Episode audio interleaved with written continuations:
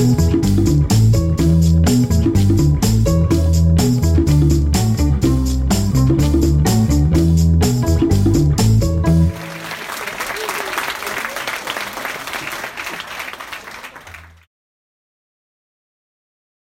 Da skal jeg ønske velkommen til eh, denne samtalen med Per Anders Todal. Dette er eh, Kokt klode fra Litteraturhuset i Fredrikstad. Et eh, møte som også blir lagd podkast av, så derfor bruker vi mikrofoner. Um, jeg heter Erik Martinussen, er journalist i Teknisk Ukeblad og programleder her. Uh, per Anders Todal er også journalist fra uh, avisa Dag og Tid, prisbelønt med Fritt Ords pris. Liten applaus til eh, Per Anders, som har kommet hit i dag. I de to andre møtene her har vi snakket om klimakrisen og artskrisen. Og I dag skal vi snakke litt om noe som eh, binder de to sammen på et vis, som er eh, havet.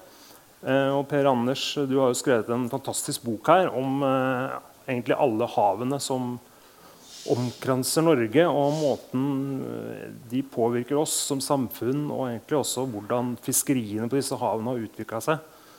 Eh, hva var det som motiverte deg for å skrive denne boka? I starten eh, tenkte jeg på det som en måte å skrive seg hjem på, eller skrive seg tilbake til den opprinnelige undringa som eh, jeg tror veldig mange har hatt som har vokst opp ved sjøen. For da jeg var liten gutt, så var alltid de største mysteriene under vannet. Nede i det der store mørket, den store mørke fjorden som du ikke egentlig kunne se ned i. Eh, og det var ei undring som på et vis kom tilbake i godt voksen alder. Uh, det virker som ganske mange, kanskje særlig menn, når de kommer opp i 40-åra, begynner å få en sånn dragning tilbake til natur og et eller annet opprinnelig. En del menn i 40-åra blir veldig ivrige på å sikre nok ved til familien sin. Uh, en del folk blir opptatt av slektsgransking, og jeg vendte tilbake til sjøen. og eh, da kunne jeg prøve å forstå de mysteriene under vannet med de ressursene som var tilgjengelige for meg som voksen journalist. Og så kunne jeg tilsette ti, dvs. Si jeg har tilsatt fem år med arbeid, og så Mm. ble det den boka her. Det er et forsøk på å forstå mitt eget heimland som et havland. da. Ja, hvorfor kaller du den for Havlandet? For det, fordi Norge er et havland i eh, forbløffende stor grad. Eh, I enda større grad enn jeg var klar over da jeg begynte arbeidet. Uh, vi er eksepsjonelle som land i den, den forstand at for det første har vi verdens nest lengste kystlinje. Selv om Norge er sånn, et mellomstort land i verden, så er kystlinja vår helt kolossal. Bare Canada har lengre. Og så har menneskelivet vært ekstremt tett knytta til sjøen i Norge gjennom det meste av historien. Ikke minst i uh, steinalderen, da de første folka kom hit. fordi på den tida lå jo isen i uh, det meste av innlandet. Ja, Så folk bodde bare langs kysten i starten? Den eh, hele migrasjonen opp kysten uh, foregikk i ytre skjærgård. 90% av de eldste funnene fra steinalderbosettingene i Norge er på øyer. Så det her var trolig seljegere som holdt til i skjærgården helt opp til Finnmark. Men hva betyr havet for Norge i dag? Er det fortsatt like viktig for oss? Eh, Nei, det er jo ikke det. Eh, vi har 10 000 fiskere, 7000 som jobber med havbruk. Eh, som sysselsetting er det jo ikke ekstremt viktig. Jeg kan jo si at oljerikdommen vår har ganske mye med sjøen å gjøre. All olje er dannet av plankton, ikke dinosaurer, som folk liker å si. Så oljen i, i, ute på sokkelen er jo et havfenomen, den også. Men den er via ikke så mye plass til i boka. Så i dag er havet vel så viktig som en del av identiteten for mange nordmenn, som rekreasjon. Og så har du i tillegg hatt eh, en ganske sterk tilbakeflytting til sjøen i Norge, som er interessant. Hvis du ser på Norge anno 1800, så var Opplands, innlandsfylket som Oppland og Hedmark var av de mest folkerike i landet. Og gjennom moderniseringa så ser du de fylkene rase på statistikken. Når Norge blir moderne, så flytter folk tilbake til sjøen igjen. Etter et intermesso med å prøve å få noe eh, å ete ut av de her karrige innlandsbygdene. Men før vi fant oljen, så var, vel dette et, var det havet vi henta våre ressurser fra. Og det er fortsatt viktig eksportnæring med fiskeri og den er jo stor. 100 milliarder kroner i året. Det er en stor eksportnæring.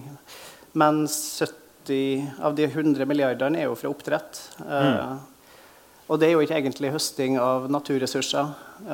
Det er husdyravl basert på ressurser som kan komme fra hele verden. Jeg er ikke noen sånn udelt motstander av oppdrettsnæringa.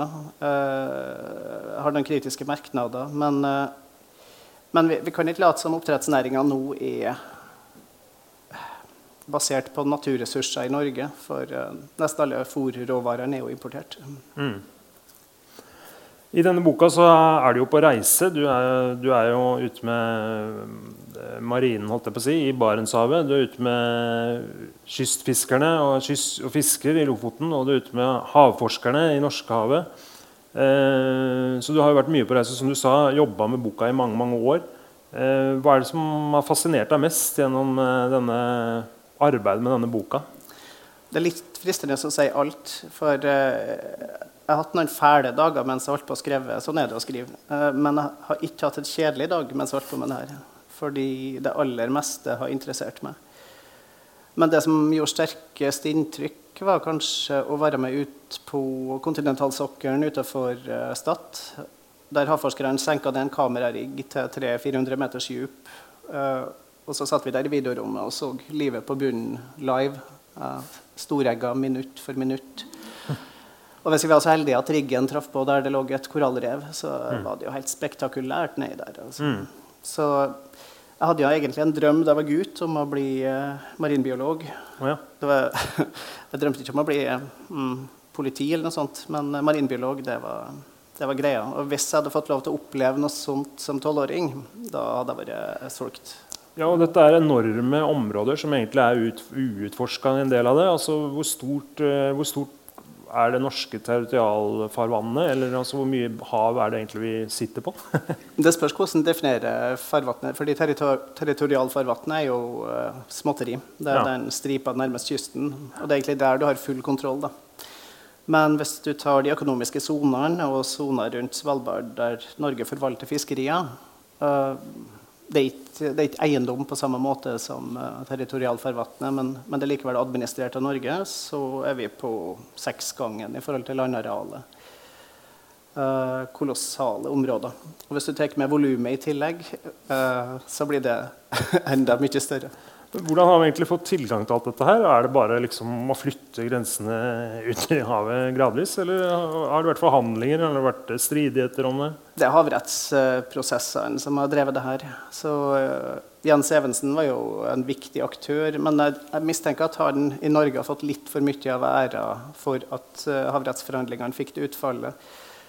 For Norges del var det i hvert fall et veldig gunstig utfall at hvert land fikk så svære økonomiske soner å forvalte, og som de fikk råderett over fiskeriene i. Da.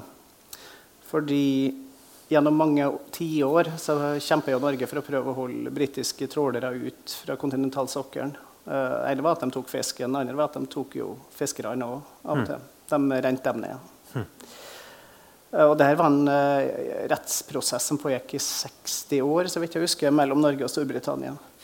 Så når havrettstraktaten kom uh, ja, Forhandlingene gikk på 70-tallet, og så er den på plass i 82. er det vel, Så er det jo fordi både Sovjetunionen og USA så seg tjent med store økonomiske soner. Mm.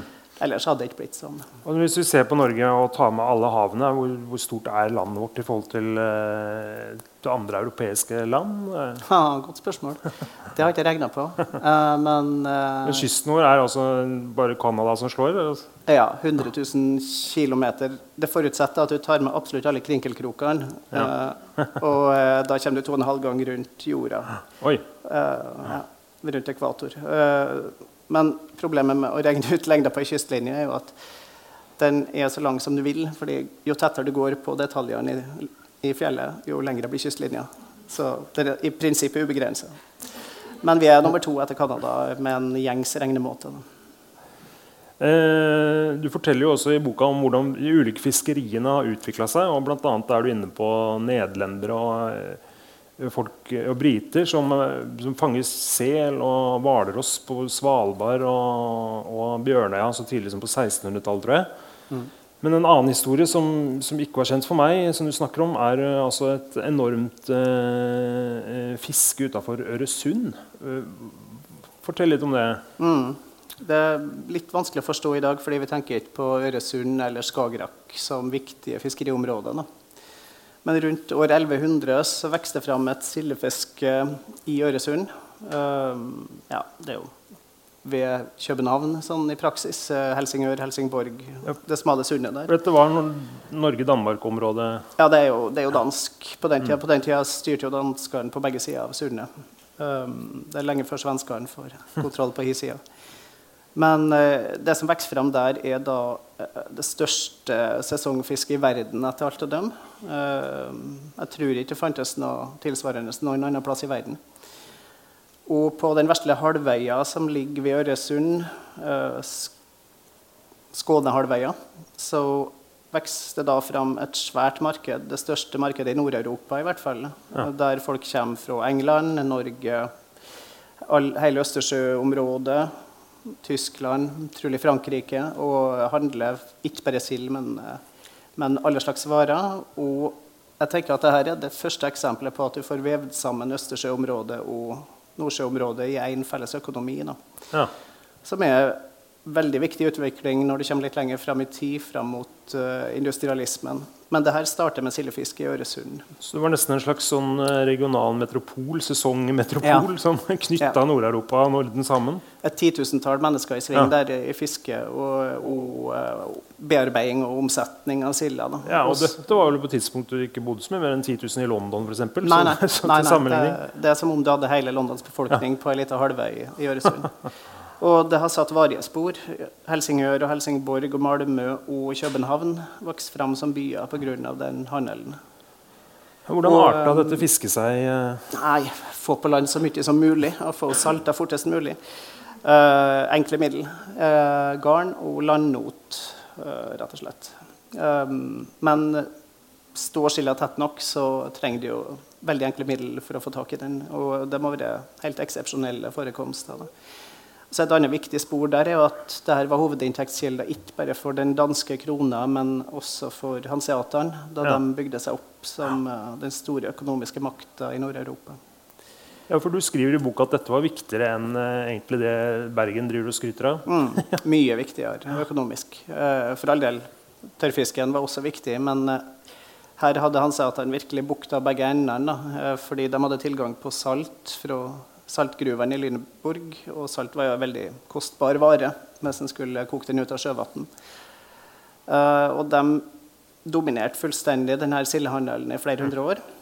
Um, og bygde opp sin økonomiske makt, i hovedsak. Hvor stort det var dette fiskehuset i sammenligning med i dag? Ikke veldig imponerende. 20 000 tonn, 30 000 tonn er anslaget jeg har sett. Men det var veldig stort i middelalderen i ja. Europa. Og dette var da den tredje største handelsvare i Europa etter korn og klær. Den silda fra Øresund.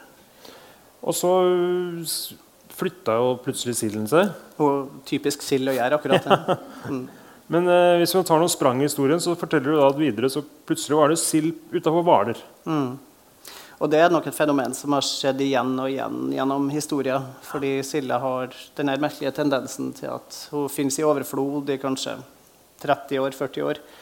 Kan være borte i 70 år, eller omvendt. Eh, så den siste store sildeperioden som slo inn på Hvaler, var eh, på 1890-tallet. Ja. Og da var det allerede gått så lang tid siden forrige sildeperiode at forrige sildeperiode har et sånn mytisk preg, fordi ingen huska det sjøl. De hadde bare fått det overlevert. Ja. Og der er det nesten sånn fortelling, ja, det mytisk bruker ordet, er nærmest øsa opp sild. ja, ja. ja, men det, jeg tror på dem som sier at du kunne ause opp med bøtta. fordi ja. når silda blir trengt hardt nok inn mot land, så er det jo det som skjer. Ja. Det står en hval som står utenfor og dytter på. så Da prøvde å komme deg vekk. Det er jeg mer usikker på om det stemmer at fiskerne på Hvaler tente røyken med tikronesedler på den tida. Uh, akkurat det er jeg ikke helt sikker på. Men sant? Jeg skulle spørre deg, Etter hvert forsvant jo uh, en del av sildefisket, men før vi kom dit, så var det begynte man havgående sildefiske. Altså, jeg leste i boka di her står det altså at man tok opp på ett år, i 1956, 10 milliarder sild. Mm. Hver sild veier ikke så mye. Men, Og dette var nordmenn som Ja. Ja.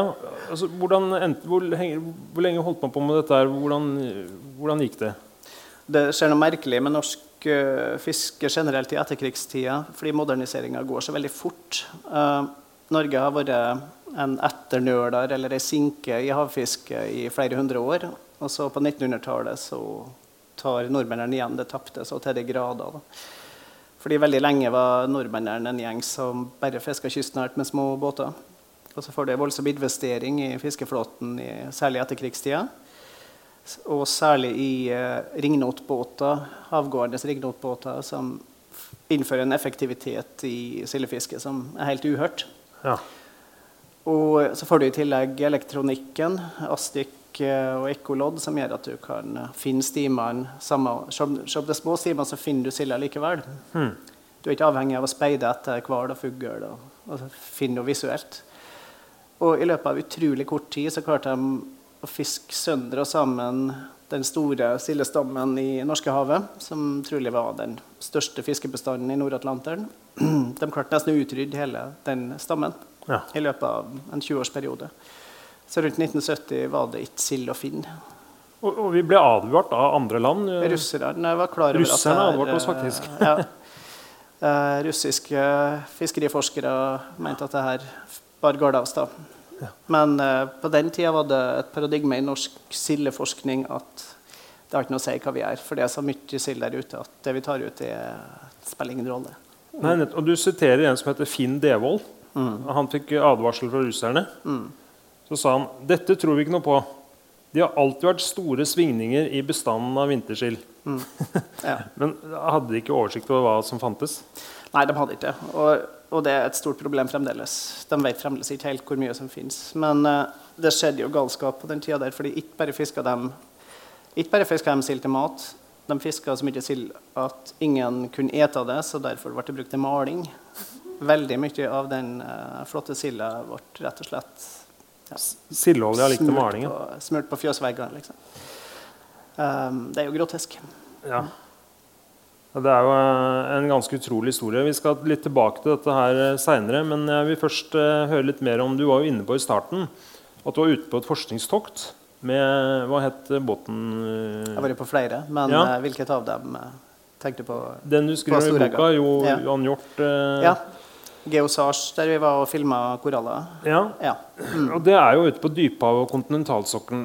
Er- det helt ukjente arter der ute? Er dette et område som ikke er? Eller kan du si noe om hvor kjent disse, disse områdene er? Hvor godt kartlagt det er lagd? Kontinentalsokkelen begynner å bli ganske bra kartlagt. Det er, hvis de ser for dere Norge som heller mot sjøen, og så går vi ned sjøen, og så har du kontinentalsokkelen, nå har du vassflate her, så går sokkelen utover, og så ytterst på sokkelen så går du ned fra 300 meter til, ned til 4000 meter eller noe sånt ute i Norskehavet. Så den eh, grunne sokkelen er brukbart utforska, i hvert fall i stikkprøveform, når det gjelder hva som lever der. Og, og godt kartlagt når det gjelder ekkoloddregistreringer og sånn. Det, det, rareste med, det rareste med kart er at sjøbunnen nærmest kysten, inn i fjordene, den er fremdeles regna som militære hemmeligheter. Så der får ikke du lov til å få tilgang til de beste sjøkartene som Forsvaret skal ha monopol på. Du får bare oppløsning på enten 25 meter eller 50 meter, som er veldig dårlig oppløsning. Eh, men Forsvaret vil ikke at russerne skal ha tilgang til så gode sjøkart hvis de skal inn med ubåtene. så ja. Men eh, det er et sidespor. Ute i djuphavet så Når du bikker ut i Norskehavet f.eks., så er det veldig lite de vet. tok de opp nye arter når du var om bord? Eh, Fant ingen nye arter på den turen. De eh, har i løpet av det prosjektet, den kartlegginga som er et stort prosjekt som heter Marano, så har de funnet dusinvis av nye arter. hva, Så- slags, hva er det snakk om? eh? ikke så mange store. Uh, ikke fisker vanligvis, men uh, veldig mye krepsdyr. Som ikke har vært kjent før? Ja, ja, ja. Helt nytt? Ja, ja. Og det er masse å finne der nede fremdeles. Hvor dypt garantert. snakker vi da? Sannsynligvis mer ukjente ting jo dypere du kommer. Da. Ja. Fordi oppe på sokkelen Det er jo en forskjell. Oppe på sokkelen har det jo blitt tråla i alle år. Mens nede i djuphavet så er det ingen som tråler. For det er ikke regningssvarende.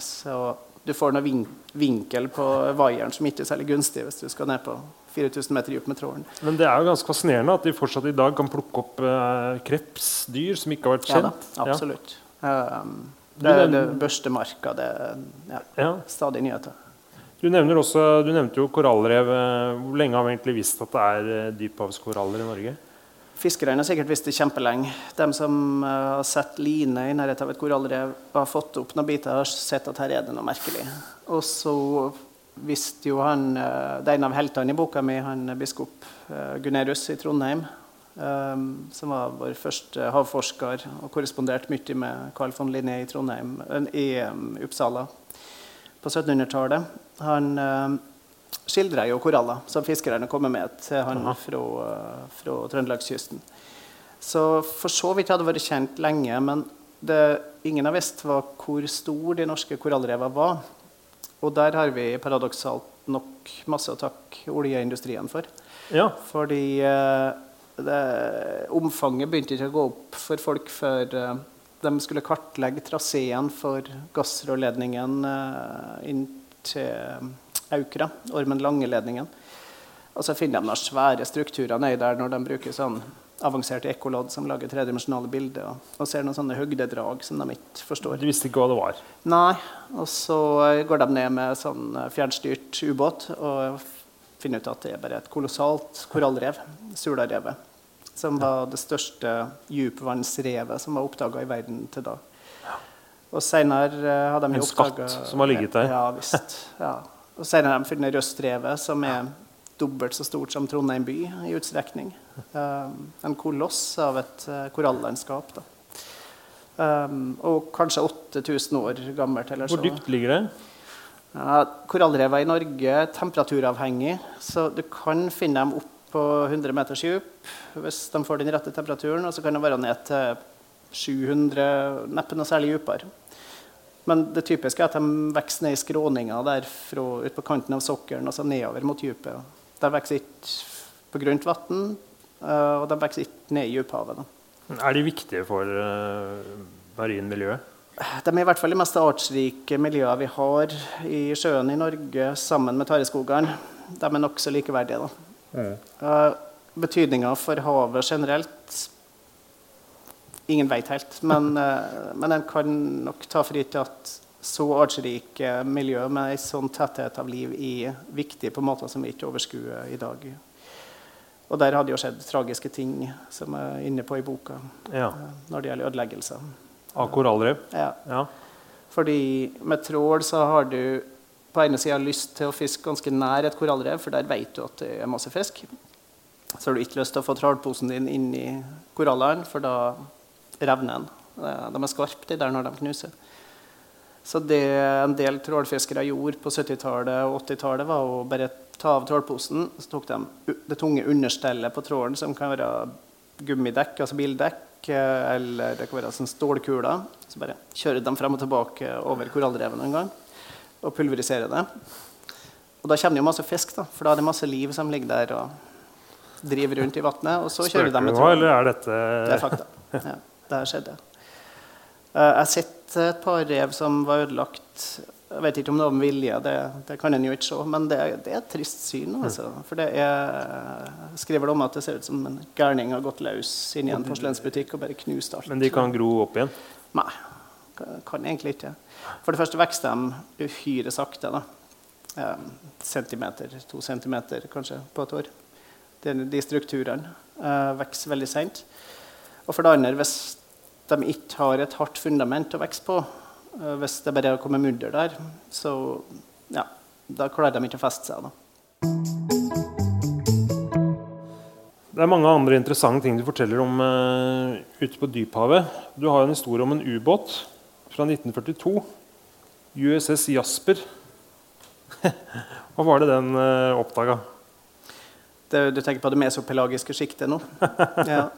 Det, Du eh, kaller det noe annet. Du kaller det spøkelsesbunnen. Det kan jo, ja, det var det de kalte det først. Um, fordi det var, en generell sannhet er at ute i de store, dype verdenshavene så er det mindre liv enn uh, langs kystene. Det aller meste av fisket i verden skjer jo kystnært, på grunt vann. Så en regna egentlig med at det åpne djuphavet var som en ørken og regn. Nesten tomt for liv.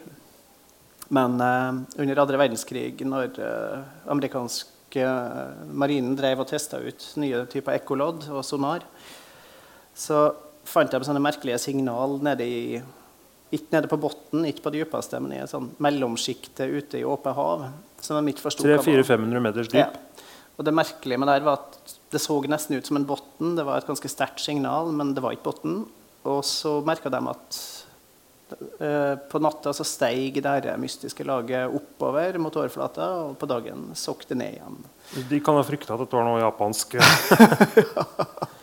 merkelig teknologi. Ja. Det, det var et besynderlig fenomen og lenge ble det tolka som en instrumentfeil òg.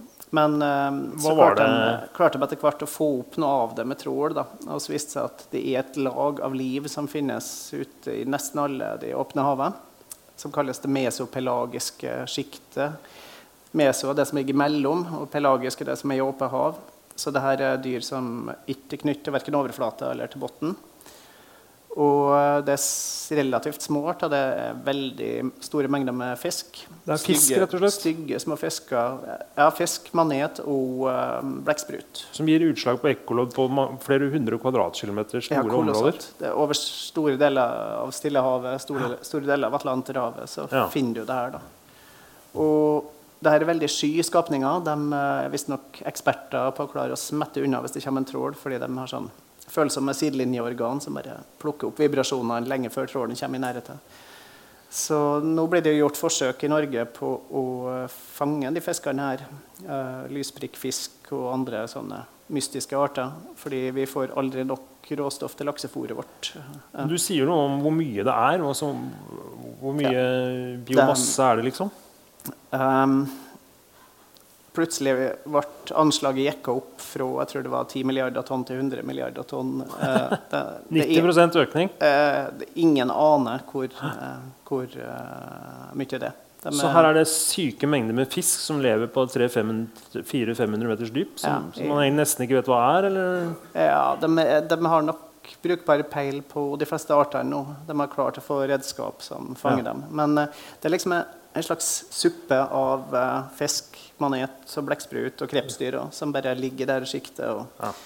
og naturlig nok, de kommer opp mot overflata for å finne mat på natta når de er relativt trygge. Og på dagen, når lyset kommer, så trekker de seg ned og gjemmer seg i mørket. Det er også en eh, Du nevner en, eh, en blekksprut som lever i Norge, som ikke har norsk navn. Mm. Jeg vet ikke om jeg klarer å uttale dette, her, men Gonaus fabrici? Gonatus fabrici. Eh, Som Et av Norges vanligste dyr, men uten et norsk navn. Ja. Den er i det her eh, mesopelagiske sjiktet. Ja. Jeg har sett En- film en av en blekksprut? eh, liten blekksprut. Jeg har sett film av en. Den uh, lever i åpent hav. Uh, ligner litt Massa i norsk farvann. massevis. Um, 20 millioner tonn, uh, kanskje. Um, ligner litt på ei lavalampe når den svømmer. Mange dyr som lever nede i dypet, har jo sånn glødeorgan som de kommuniserer med. Og det er mulig at bare den, de mengdene Gonatus fabrici som spermkvalen et i norske farvann, er like mye som mennesket tar ut av torsk fra Barentshavet, altså skrei. Veldig grove anslag, da. Men dette er ingen bl.a. hval som spiser ja. Mm, stort sett uh, spermhval og noen mindre hvalarter som heter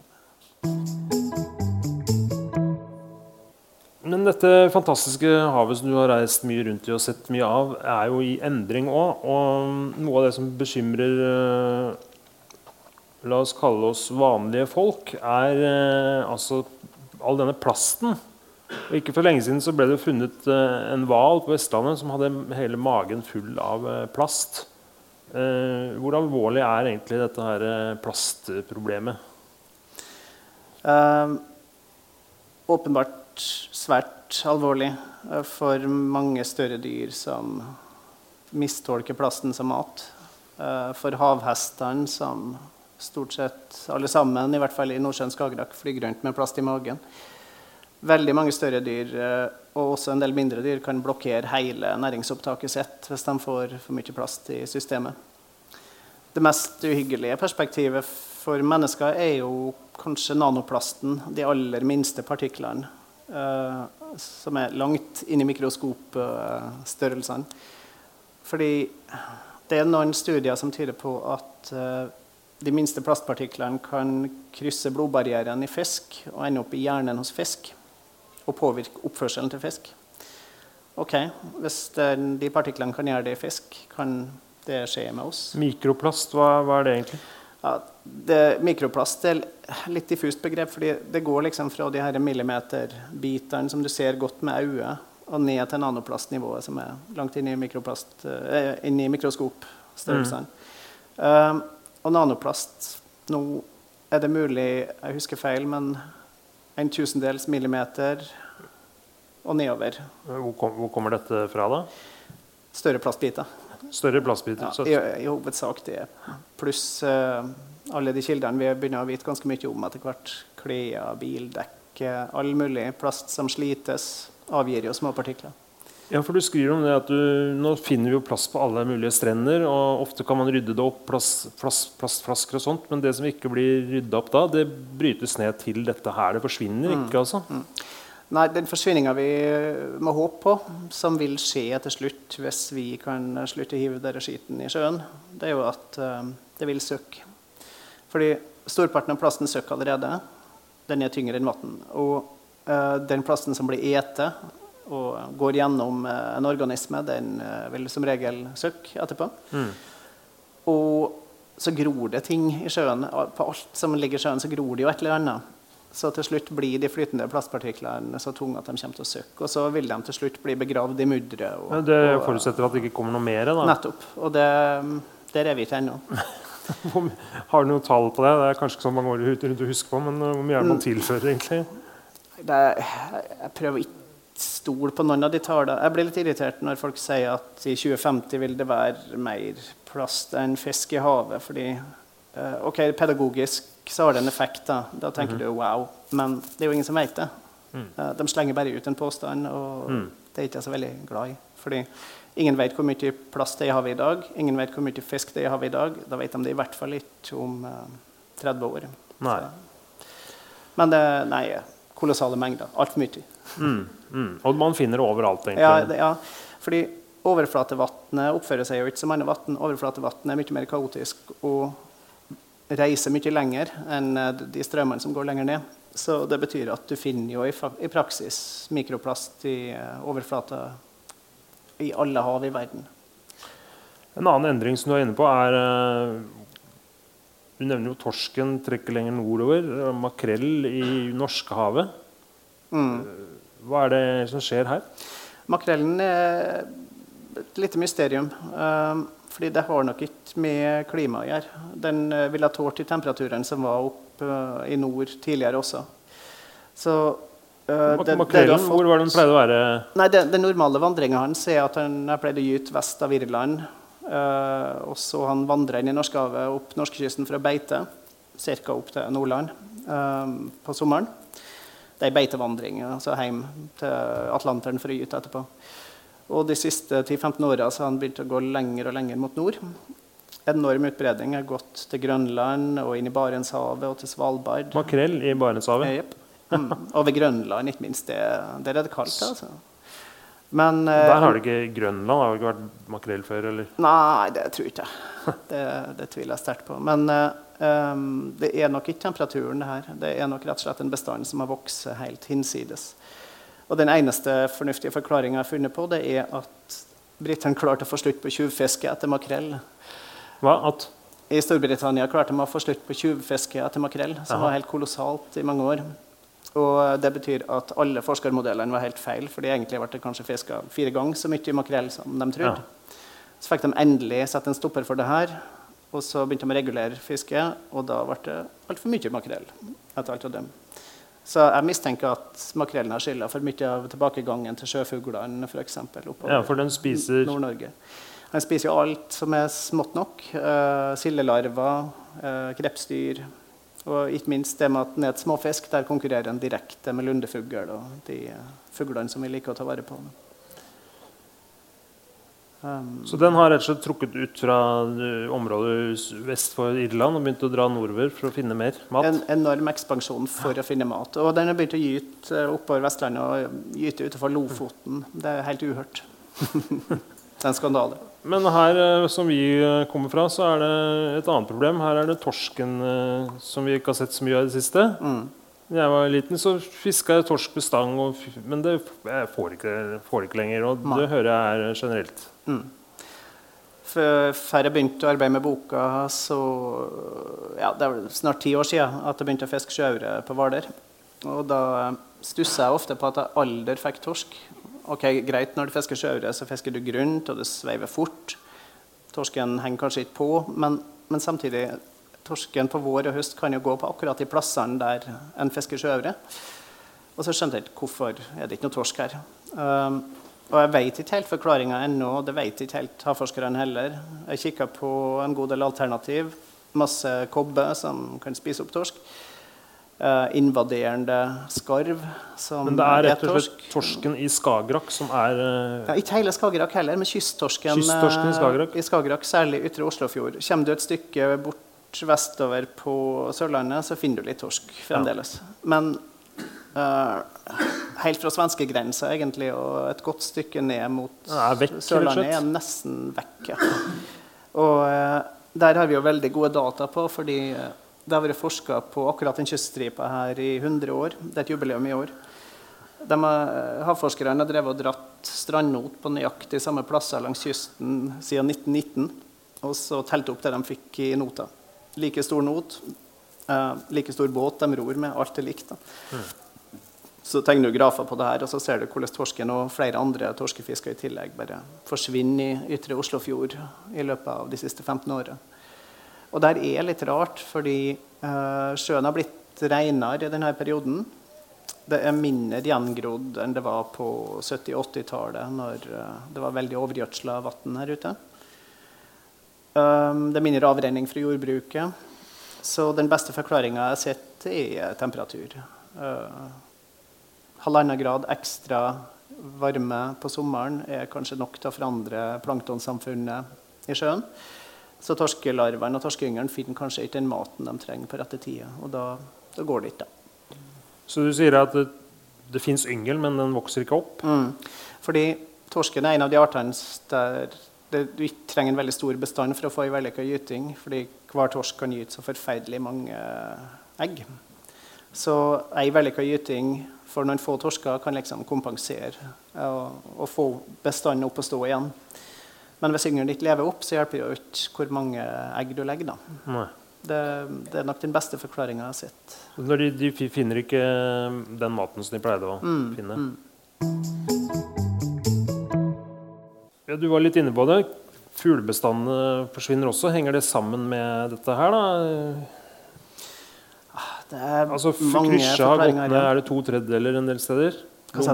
Krysje og Lomvei Ja, har falt. Ja, Ja, og noen, eh, på noen fuglefjell i Nord-Norge er det jo helt krise. Altså 99 tilbakegang på røst for uh, Lomvia, tror jeg. Eh, vi har jo mest oppmerksomhet rundt uh, de søteste fuglene, men uh, er- lundefuglen klarer seg bedre fordi den lever så lenge. Da.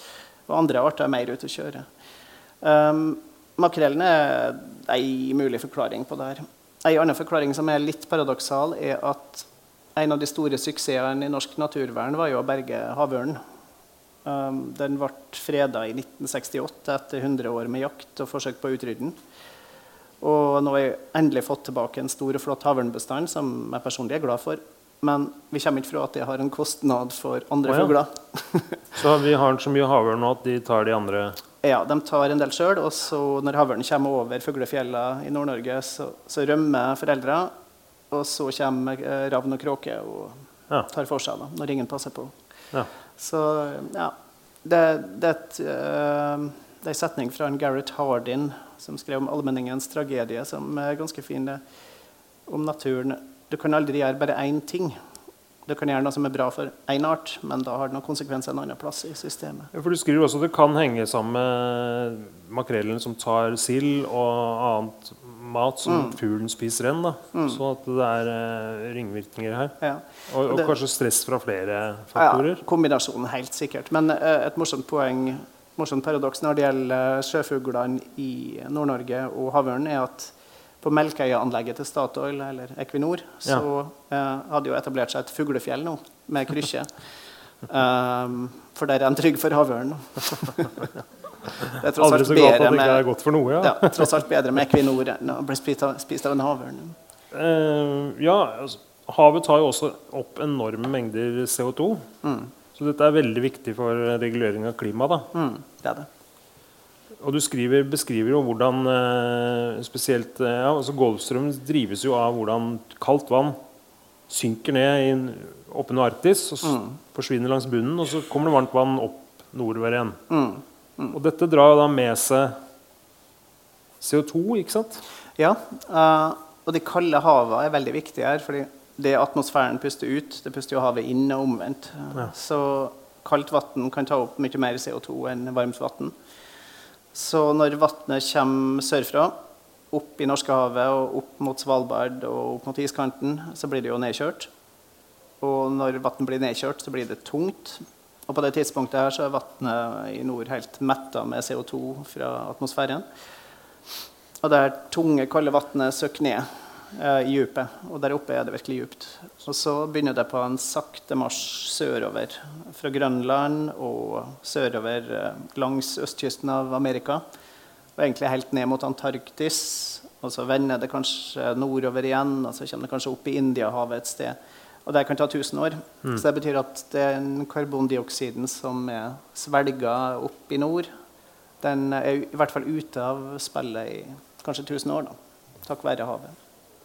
Men kan havet bli metta på noe vis? Slutter opptaket? Eller eh, så at eh, Vi får jo da veldig stor hjelp av denne motoren her, det. da.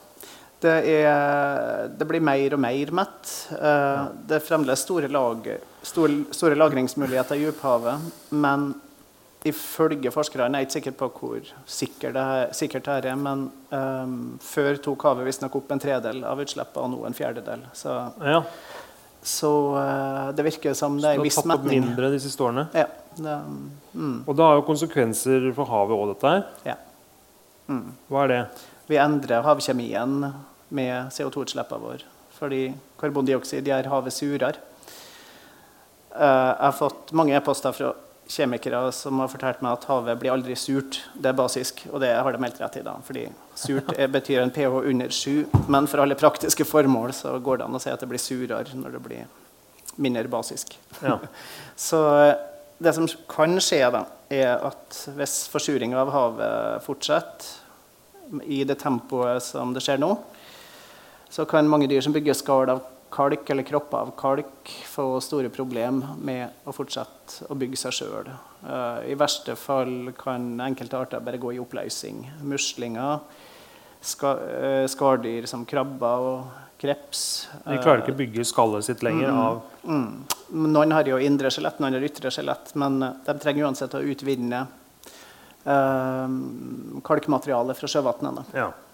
Og den kalken blir tynna ut, da? Eller eh, Ja, det blir vanskeligere tilgjengelig. Ja. Det er noen kjemiske mellomledd der som jeg ikke skal gå inn på her. Men, eh, men eh, uh, Og i verste fall kan faktisk uh, vannet i dyphavet bli såpass surt, fordi dyphavet er naturlig surere enn uh, grunne farvann, at så surt kan det bli i dypet at det bare etser bort fundamentet for korallrever som står der ute på sokkelen. Det er en sånn sur sone ute i Norskehavet som stiger med 10-20 meter hvert år. Sannsynligvis pga. at havet tar opp eh, vår CO2. Og I løpet av det 100 året her så kommer den sure sonen til å nå opp til det sjiktet der korallrevet står. Og da er det um, anyone's guess hvordan det kommer til å gå. da. Hvis vi mister en del av disse bunndyrene, så påvirker det fisken eh, også, kanskje, som beiter der. Ja. Ehm, jeg vet ikke Du er jo en analytisk person, men i boka di skriver du jo eh, eh, at du ikke er så veldig optimistisk, hvis vi skal gå inn på dette. Eh, jeg klarer ikke lenger å se for meg at vi skal endre levemåten vår fundamentalt nok eller tidsnok til å unngå de store endringene, skriver du. Eh, hva mener du med det? Vi har blitt veldig mange, og vi har blitt veldig mektige. Og så er vi kanskje litt fartsblind. Havet har jo inntil nylig vært uh, den delen av kloden som var nesten upåvirka av oss. I landjorda har vi omforma en kolossal målestokk helt siden steinalderen. Slakta ned de store pattedyra og brent skogene, og hogd skogene og dyrka opp jorda. Vi har, vi har virkelig forandra ansiktet på landjorda. Men helt inntil nylig så har nesten hele havet vært i praksis upåvirka av, av, oss.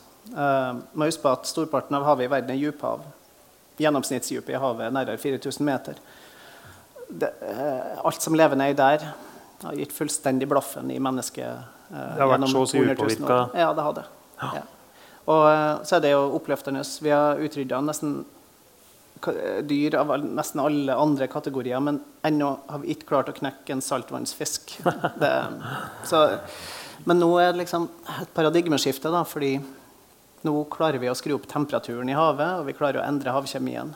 Og det er en påvirkning i en målestokk som er helt ny. Mm. Uh, jeg prøver å, jeg har kanskje blitt litt mindre pessimist når det gjelder havforsuring etter at jeg avslutta boka. Uh, jeg hadde nok lest en del bøker på den tida som var veldig svartsynt. Uh, realiteten er jo at det er uhyre usikkert, fordi vi vet ikke hvor fort livet i havet klarer å tilpasse seg et surere hav. Evolusjon og epigenetikk gjør at artene vil jo tilpasse seg, og det skjer jo ikke over natta. Så plankton kan kanskje tilpasse seg ganske fort. De har kort levd, korte liv. Eh, torsken ja, ikke sikkert. It's hope in a hanging snore, som en kjent ja, nordmann har sagt en gang. Eh, per Anders, du er fra Aure, og du liker å fiske aure. du skriver om det, at du er på Guttormshaugen på Hvaler her og fisker. Jeg tenkte egentlig vi skulle avslutte der. Takk for frammøtet.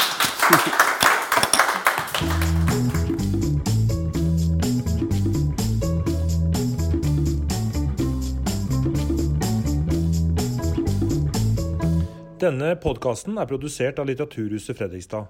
Våre solide støttespillere er Kulturdepartementet, Fredrikstad kommune, Østfold fylkeskommune, Fritt Ord, Freisborg Eiendom, Fredrikstad Energi, Verksted, Bergesen-stiftelsen og Handelsbanken.